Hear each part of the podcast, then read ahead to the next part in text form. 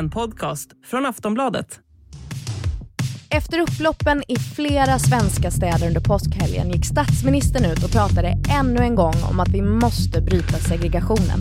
Inte för att de som deltog i upploppen representerar de som bor i områdena där det hände, utan hon menar att de man misstänker deltog har som mål att minska sammanhållningen i samhället. Och det låter ju kanon. Men hur? När till exempel 160 000 människor and counting i Sverige är långtidsarbetslösa. Vad gör politikerna konkret för att hjälpa dem? Dessutom tittar vi på hur bra det egentligen är för småpartier som Medborgerlig Samling att kändisar som Paolo Roberto basunerar ut att de har gått med. Det här är Aftonbladets politikpodd, en runda till med My Råväder, Lena Melin och mig, Soraya Hashim.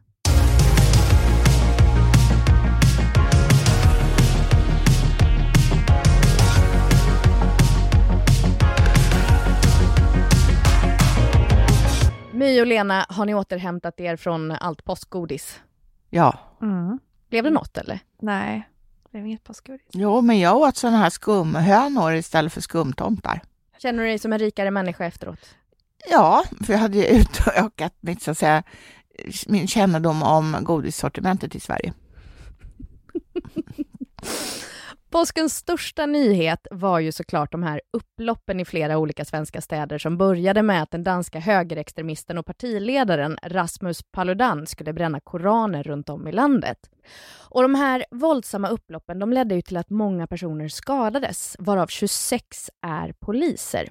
Ett 40-tal personer har gripits eller anhållits, varav flera är minderåriga och det har helt enkelt varit ett jävla kaos.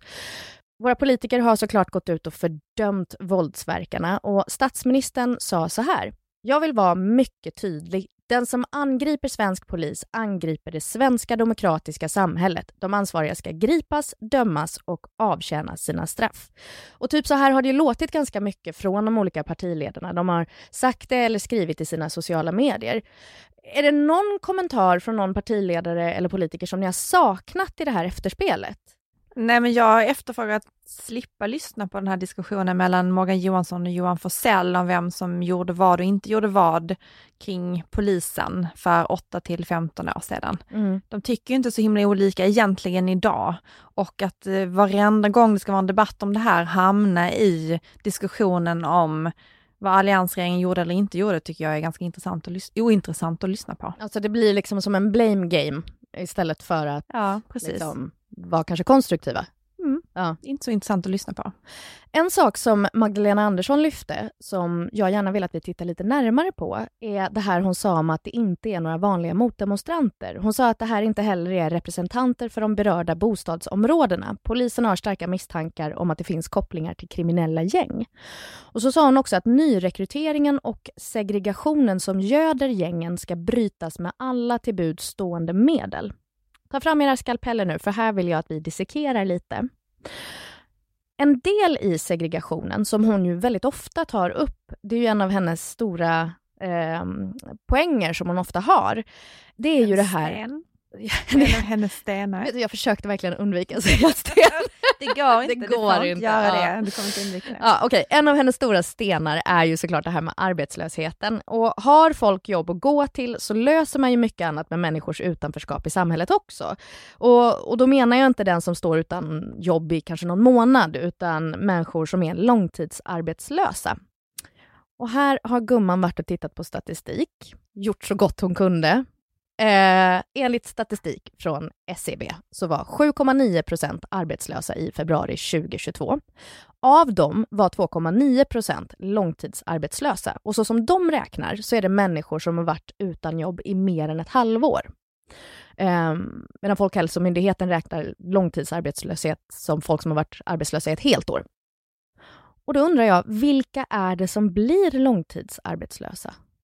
Det är de som har dålig utbildning, alltså inte har ens har gått gymnasiet och de som är födda utanför Europa. Det, om man ska nu ta fasta på två väldigt utpräglade grupper. Sen är ofta kvinnor lite mer långtidsarbetslösa än män. Var, varför är det just de här grupperna? Ja, den första gruppen, alltså de som har dålig utbildning, det, det beror ju helt enkelt på att de har dålig utbildning. De är inte förberedda för dagens arbetsmarknad. Det är man inte när man går ut nian och sen hoppas på det bästa. När det gäller eh, utom europeiskt födda så handlar det säkert en del om språkkunskaper, men också mycket om fördomar. Hur tänker du då? Jag tänker att många tror att det kanske är besvärligt att anställa en person som, som eh, har varit kort tid i Sverige, eh, att, man, att man, det ska bli massa ja, helt enkelt besvär för, förknippade med det. Det har man ju ingen aning om egentligen. Får jag säga, det finns en annan grupp också, det är ju äldre. Ja. Och om man ska dela upp de här grupperna i långtidsarbetslösheten, det finns ju lite andra mått också. Alltså att man kan mäta om det är mer än sex månader, om det är mer än ett år och sen så de som är, de som är riktigt, riktigt arbets, långtidsarbetslösa är de som är arbetslösa i mer än två år. Och det är egentligen där som man ser den stora problemen, att komma tillbaka in på arbetsmarknaden för att de andra får, alltså de flesta får ett jobb inom ganska kort tid, inom bara några veckor efter att de har förlorat jobbet.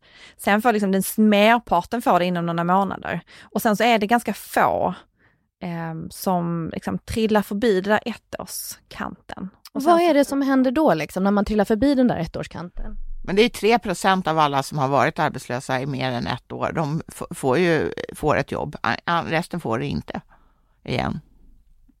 Det är väldigt tråkigt och det beror ju på att arbetsgivarna tror ju att det är något fel på en person som, som, inte, som inte har jobbat på ett år. Och då tänker man att du, du är lat eller vad, vad tänker man? Ja, man tänker väl att den här, ja lat tror jag inte kanske, man tänker väl så här att det, det där verkar ju konstigt, varför har inte den här människan lyckats fixa något på ett helt år? Alltså det är ju eftersom utbildning och språket, men framför utbildningen då är ju liksom den absolut största anledningen till att man inte kan få ett jobb, för det finns ju jobb i Sverige att få. Så problemet är ju matchningen. Att hitta människor som kan ta de jobben. Och det har, alltså man, man kan inte ta särskilt många jobb i Sverige om man inte har en eh, en högre utbildning. Alltså de människorna som är i långtidsarbetslöshet, de, många av dem har inte ens en gymnasial utbildning. Vissa av dem har inte ens grundskolan. Så det är liksom ett jättestort glapp där mellan liksom vad som efterfrågas på arbetsmarknaden eh, och vad som finns då för människor som har varit utan arbete länge. Samtidigt då det här med att långtidsarbetslösheten ökar, varför gör den det? Men det tror jag, det beror på, det, det, att den har gjort det på senare tid beror ju på nedgången i samband med covid. Vilka, var det specifikt några särskilda grupper som drabbades extra mycket under covid? Ja, det var ju de som var anställda i de branscher som drabbades av covid. Ja, men det visar sig att människor som har utländsk härkomst, ju som ändå är den största gruppen, alltså det är fem gånger fler som är utlandsfödda i den här gruppen än vad som är inrikesfödda i långtidsarbetslöshetsgruppen. Och det visade ju då när man tittar på det att de jobbar i precis de här branscherna, i service, i hotell, restaurang eh, och att man liksom har blivit av med sitt jobb men eh, alltså tro, eller vad ska man säga, inte tron, men det man ser nu är väl att man tänker att många av dem, den gruppen kommer få tillbaka sina jobb eftersom det här kommer igång igen. De här liksom. branscherna kommer komma igång ja. igen. Alltså de stora problemen man har med långtidsarbetslöshet, det är ju liksom om det är att det blir liksom en strukturförändring i samhället, alltså att man går från en slags jobb och sen så blir det liksom en kris, finanskris, eh, och man måste omstrukturera de jobben, effektivisera dem, ersätta dem med någonting annat för att liksom ha billigare produktion. Då ser man ju att de, det är svårare att råda bot på den långtidsarbetslösheten för att de människorna som finns då på arbetsmarknaden, de har liksom inte då kompetensen att göra de här nya jobben. Alltså man hamnar liksom i ett glapp där man förlorar kompetens för att utvecklingen går framåt när du inte jobbar. Mm. Så att eh, Det är många som jobbade just inom eh, besöksnäringen som också övergett sin bransch under covid, så att de kommer inte komma tillbaka till den branschen, utan de gör ju något annat nu. Ja, just det. Mm. Kan det bli en brist då, tänker du? Eller? Ja, det är ju en brist. Mm. Alltså, restaurangerna kan inte alls rekrytera så många som de skulle vilja ha. Nej. Den gruppen man ser nu efter coronan då som fortfarande ökar, det är ju lågutbildade, men det är det ju alltid, men det är också de äldre. Att är man över 55 år och har blivit av med sitt jobb, då är det väldigt liten chans att få ett jobb igen på arbetsmarknaden. Så oerhört deppigt. Uh, jag tänker så här då, om vi, om vi delar upp det här i, i liksom det röda och blåa laget, bara för att förenkla lite. Va, vad har politiken för lösningar på det här problemet och hur skiljer sig de här lösningarna åt för att komma, komma ifatt långtidsarbetslösheten? Alltså generellt sett när det gäller all arbetslöshet så är det ju, så tycker, är det blåa laget lite mer för ta det i kragen och spotta i händerna och, och, och, och, och gör något. Knyt dina skor och borsta tänderna, nu kör vi. Medan det, det röda laget är mera för, så att säga, eller partierna på den röda planhalvan är lite mer för för um, att man ska få hjälp och stöd att skaffa sig ett nytt jobb. Men, men det blåa laget då, som jag förstått tidigare när vi har pratat, så har det ju handlat om att eh, eh, man ska sänka bidrag för det ska inte vara lönsamt att vara arbetslös, liksom, till exempel. Nej, men de, de är också mycket mer för ekonomiska incitament, att man ska säga piskas till ett jobb eh, och, och, och, ta det oavsett hur, hur, hur, hur överkvalificerad eller eh, hur man än är eller hur lågt betalt det än är. Medan, eh, och de är också för att göra anställningar billigare, alltså att på olika sätt eh, eh sänka kostnaderna för att anställa någon än vad det röda laget är. Båda sidor gillar jättemycket subventionerade anställningar för att uh, man ska komma in på arbetsmarknaden. Och vad innebär det, subventionerade anställningar? Ja, det är olika anställningsformer där staten går in och betalar en del av kostnaden för den anställde till arbetsgivaren. Då blir det såklart mycket mer lockande att anställa. Ja, och det har ju i och för sig inte alltid varit så himla framgångsrikt det heller kan man säga. Men, men jag tänker samtidigt, så här, vad, är, vad är det som görs egentligen? Alltså vi har ju fortfarande nästan 160 000 långtidsarbetslösa personer i Sverige. Eh, det här påverkar folkhälsan, vilket kostar såklart ytterligare en massa pengar. Det skapar utanförskap, folk mår piss av massa, eller liksom får massa olika effekter. Är det här en tillräckligt prioriterad fråga för politikerna? Men jag tror att det finns många delar i varför det inte är en större fråga politiskt. Alltså dels är det för att ingen riktigt har lyckats råda bot på problemet. Mm. Eh, och alltså någon politik som kan vända den här utvecklingen. Eh, liksom, även, om, även om det liksom inte går upp nu så har det liksom planat ut på en ganska, för, en för hög, eh, vad det, på en hög platå som de beskriver det.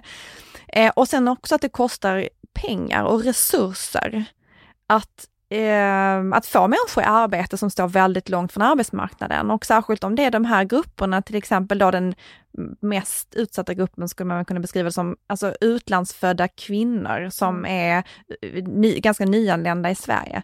Alltså det kostar ju jättemycket pengar att få dem lära dem språket, att ge dem en utbildning, att ge dem det stödet som de kontinuerligt behöver för att få en plats på arbetsmarknaden. Och om det är någonting som politiken har varit överens om är väl kanske att den här gruppen gruppen inte är någonting man prioriterar att lägga pengar på. Men kostar inte det mer i andra änden om man inte satsar på dem?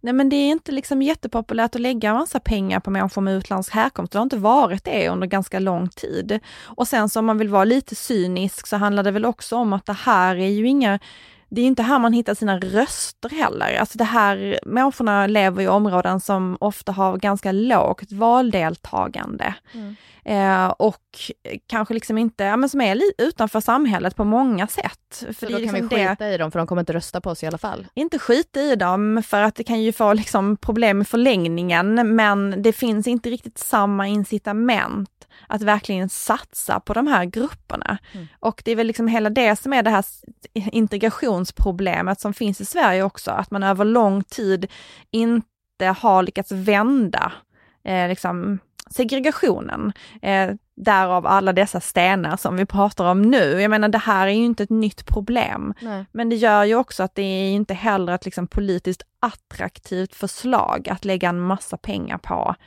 eh, att satsa på de här grupperna som står utanför, eller står utanför arbetsmarknaden på det här sättet. Det här du säger, det är dark. ja, men samhället har ju både ljusglimtar och mörker. Ja, ja. Eh, Lena, tycker du att det här är en tillräckligt prioriterad fråga bland politikerna? Långtidsarbetslösheten? Ja, alltså det tycker jag absolut att det är. Ja. Eh, jag tycker att det är en fråga som de framförallt talar väldigt mycket om. Men man, det, problemet är att ingen har ju en riktigt framgång, hittat en riktigt framgångsrik metod. Nej. Eh, och det, det, det har väl gjort att det kanske intresset verkar svalare än jag tror att det är. Därför att det inser ju alla att det är inte bra att vara långtidsarbetslös. Just du nämnde Folkhälsomyndigheten tidigare här och jag såg de hade ju då gjort en rapport förra året om långtidsarbetslösheten och det gjorde ju inte de för att de tycker att det är kul att sitta och stirra på en massa SCB-statistik e utan de vill ju kolla vad har det här hur påverkar det lång, folkhälsan? Och då hade de kommit fram till att det var väldigt negativt för folkhälsan, framförallt när det gällde då eh, förekomsten av psykiska sjukdomar eller liksom, ja, inte bara sjukdomar utan att man helt enkelt känner sig deppad och nere och utanför. Mm. Och det gör ju ett samhälle sämre och, och för med sig andra sjukdomar också. Ja men precis, och i det då så blir ju det, i det du säger Lena, så blir ju ytterligare ännu mer det du sa My så otroligt dark. Att man då inte liksom tycker att det är värt att satsa mer möjligtvis, eller liksom att man inte satsar ännu mer på att hitta lösningar? Ja, men jag, jag tror inte att det är brist på vilja på den punkten, utan jag tror faktiskt att det är brist på idéer hur attackera detta väldigt svåra problem. Och det, nu är det ju så att få, de här människorna som då är, bara har, inte ens har gymnasieutbildning, de har, har ju svårt att få jobb därför att de har en bristande kompetens för dagens arbetsmarknad. Och då pratar man ju väldigt mycket om det här med enkla jobb. Mm. Och det, en del av de här enkla jobben har ju blivit en, den här typen av subventionerade anställningar som eh, till exempel att röja i skogen och sånt där. Mm. Eh, det är ju inte, det är inte en framtidsbransch kan man ju inte säga. Det, och det vet ju alla, så där är det liksom bara en uppehållande åtgärd. Eh, så jag skulle säga att det är bristen på bra idéer, eller rättare sagt idéer som har visat sig gångbara. Sen tror jag också att man det är svårt att lova någonting, precis som Lena säger, det är så himla svårt att lova någonting på det här området eftersom man inte vet hur saker och ting fungerar. Sossarna har ju haft en, vad ska man säga, en liten pinsamhet i den här frågan de senaste åren och det var ju det här att man gick till val på att man skulle ha Europas lägsta arbetslöshet. Alltså det har ju inte blivit bra för dem och de kommer väl inte att lägga något förslag på ett tag tror jag på det här området där man lovar någonting eller har ett mål som man tydligt kan liksom ansvarsutkräva en parti, politiskt parti för i efterhand. För att det blir ju svårt eftersom man liksom inte vet exakt vad man kan göra för att vända det här. Ja, men för... men de har ju sin historia av så att säga tråkiga vallöften på det här området. Därför Göran Persson skulle halvera den öppna arbetslösheten till 3 eh, procent inom ett visst år som jag inte kommer ihåg vilket det var längre. Eh, det gick ju inte heller. Ja, men för nu har de ju haft makten i åtta år. Vad, vad, vad har de för mål? Vad har de gjort för att lösa det här? Hur bra har det gått? Ja, men målet handlar inte om långtidsarbetslöshet utan det handlar, handlar om att få Europas lägsta arbetslöshet, total arbetslöshet, eh, fram till 2020 och vi låg väl sju eller vad det var från slutet. Ja, långt ner. Mm. Får de godkänt? Nej, de men? Det, men nej, det är klart att de inte får. Men då, då, kunde de hänvisa till att det kom en flyktingvåg som uh, inte var prognostiserad när det här löftet gavs. Och det kan, men det, är ju inte, det kan möjligtvis vara en del av förklaringen, men det är ju inte, absolut inte hela. Vad säger du My, för de godkänt i din bok, sossarna? De har haft makten i åtta år. Vad, vad är resultatet av de här åtta åren? Ja, vad är resultatet? Det är väldigt svårt, tänker jag, att säga, eh, ja, att utröna vad det är för resultat. Först av flyktingvågen, sen pandemin. Sen har man ju också haft ett januariavtal som är ju en kompromiss och blandning av olika partiers politik. Alltså det enda man kan säga är väl att man inte har lyckats vända trenden. Man har liksom inte, man har lyckats minska arbetslösheten och jag menar arbetslösheten hos inrikesfödda är väldigt låg och nu vet jag inte exakt vad den är nu, men den har ju varit historiskt låg innan pandemin i alla fall. Men det finns ju den här gruppen då med utrikesfödda med låg utbildning som man inte har kun, man har inte lyckats hantera den. Den gruppen har, det har inte blivit bättre för den gruppen. Nej. Så att det är ju klart att man har misslyckats i den frågan. Man tänker ju också att det finns ju alltid någonting. Det händer ju alltid någonting. Är det inte en flyktingkris så är det en pandemi och är det inte det så är det ett krig. Alltså det kommer ju alltid finnas någonting. Nej, men det man kan säga är ju att vi pratar ju om nu ett resultat av ett misslyckande när det gäller till exempel de här som inte ens är gymnasieutbildade. Ja. Äh, det är ju ett misslyckande för den svenska skolan. Och det är klart att det kan man rå på ganska mycket med, med, med politiska medel. Där har ju det, det uppvaknandet kommit ganska sent kan man ju säga. Att det var så himla många, framförallt pojkar, som gick ut med, med, inte godkända betyg. Som nu får plocka pinnar i skogen. Ja, exakt. Ja. Och, det, det, och det här hade man så att säga ljusat ljuset på det här problemet så hade ju långtidsarbetslösheten varit lägre.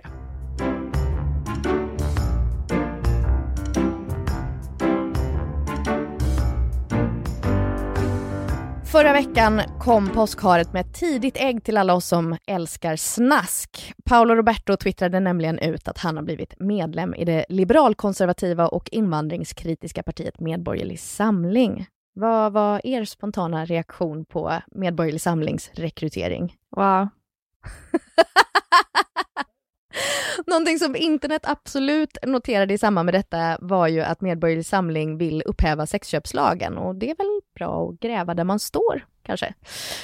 Paolo är ju inte det enda kända namnet som har gått med i det här partiet. Andra som har kopplats eller kopplas till dem är författaren Katarina Janouch, Army of Lovern Alexander Bard och läkaren David Eberhard som kandiderar för dem till riksdagen. Vad har det här partiet för verklig chans att komma förbi riksdagsspärren? Noll. Ingen.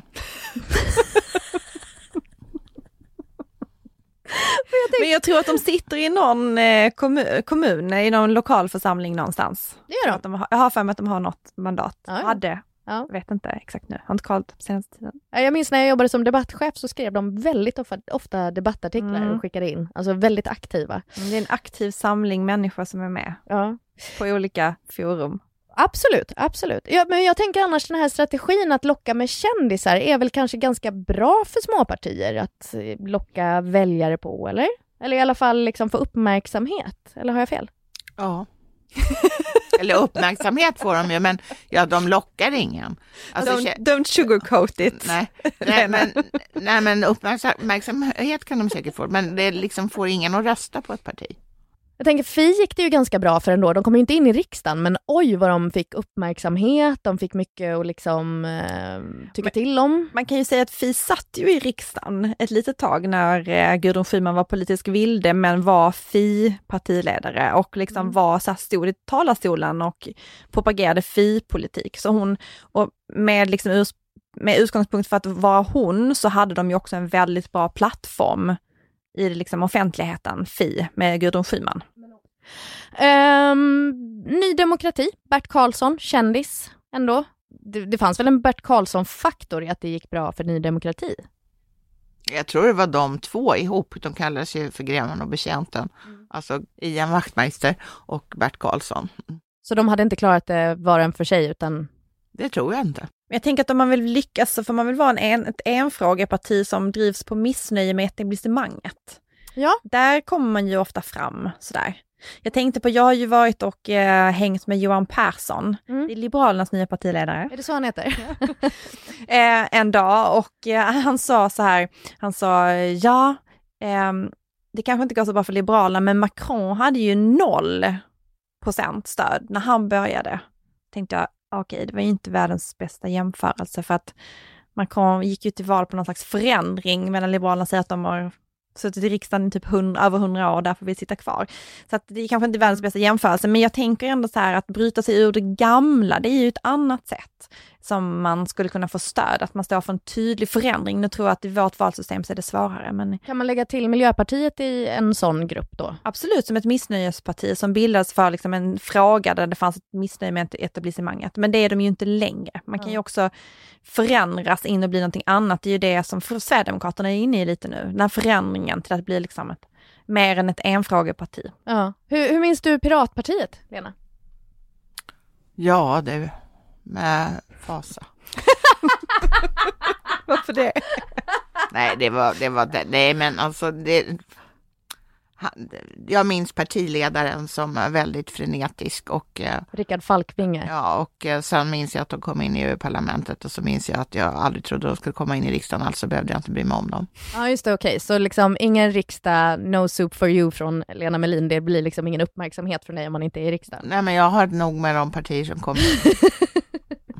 Men... Jag skulle eh, bara vilja säga en sak vill ju Liberalerna förändra, de vill ju byta statsminister. Mm, Ja, just tydlig förändring. Mm. Ja. Okej, men säg nu då att jag skulle få för mig att starta ett eget parti. Vilka faktorer behövs för att jag ska lyckas få till tillräckligt många röster för att ta mig in i riksdagen? Vad Money, money, money först. Ja, Sen så behöver du ju en jättebra stab. Hur mycket pengar behöver jag? Ja, det, det, det vet jag inte. Det, det får någon göra en budget på. Men mycket pengar behöver du. Så- Vrål mycket pengar. Ja, så, så behöver du en stab Ja. med duktiga medarbetare som begriper när du ska hålla käften och när du ska säga någonting och när, vad du ska säga när du ska säga någonting. Och så ska Ja. du lyssna på dem. Mm, och sen så eh, behöver du ju också andra kandidater som eh, ska komma in och de får ju inte vara alltför vildvuxna till sättet. Nej, det, de ska ju vara lydiga också.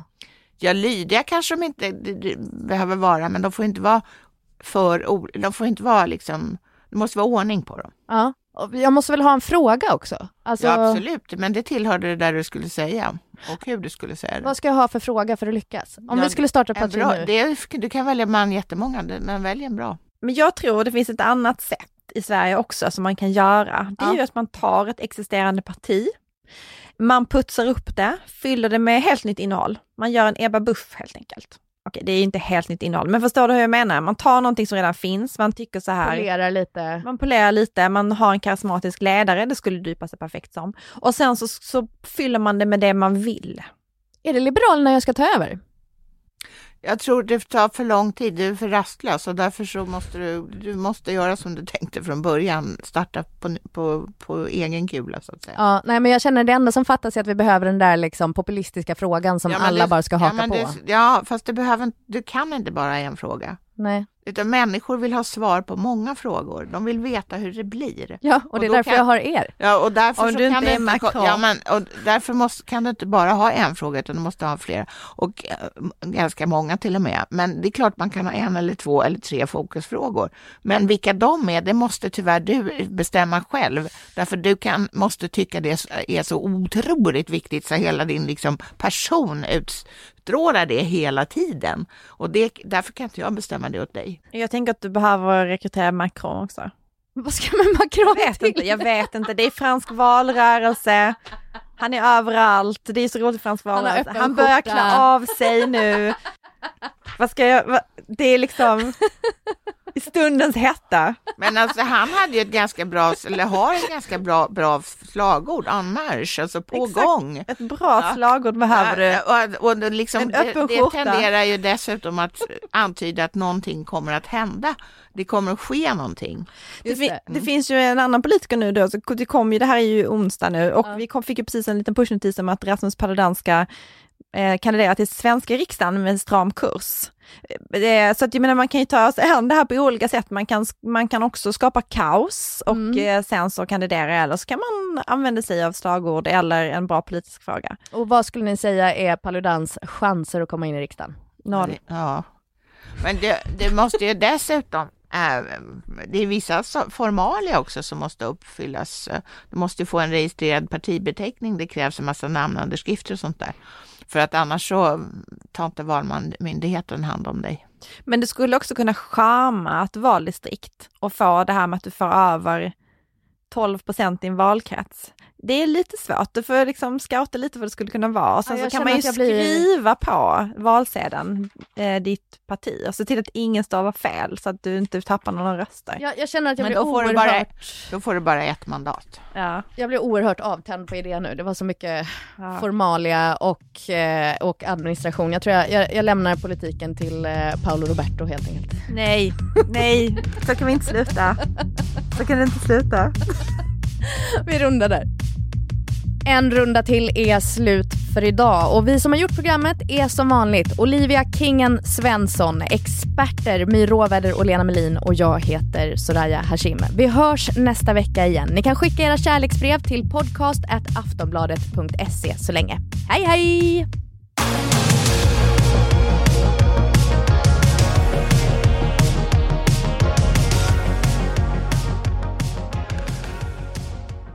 Du har lyssnat på en podcast från Aftonbladet.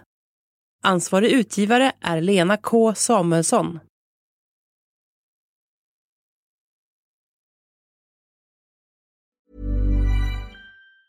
If you're struggling to lose weight, you've probably heard about weight loss medications like Wigovi or Zepbound, and you might be wondering if they're right for you. Meet PlushCare, a leading telehealth provider with doctors who are there for you day and night to partner with you in your weight loss journey. If you qualify, they can safely prescribe you medication from the comfort of your own home. To get started, visit plushcare.com slash weight loss. That's plushcare.com slash weight loss. plushcare.com slash weight loss.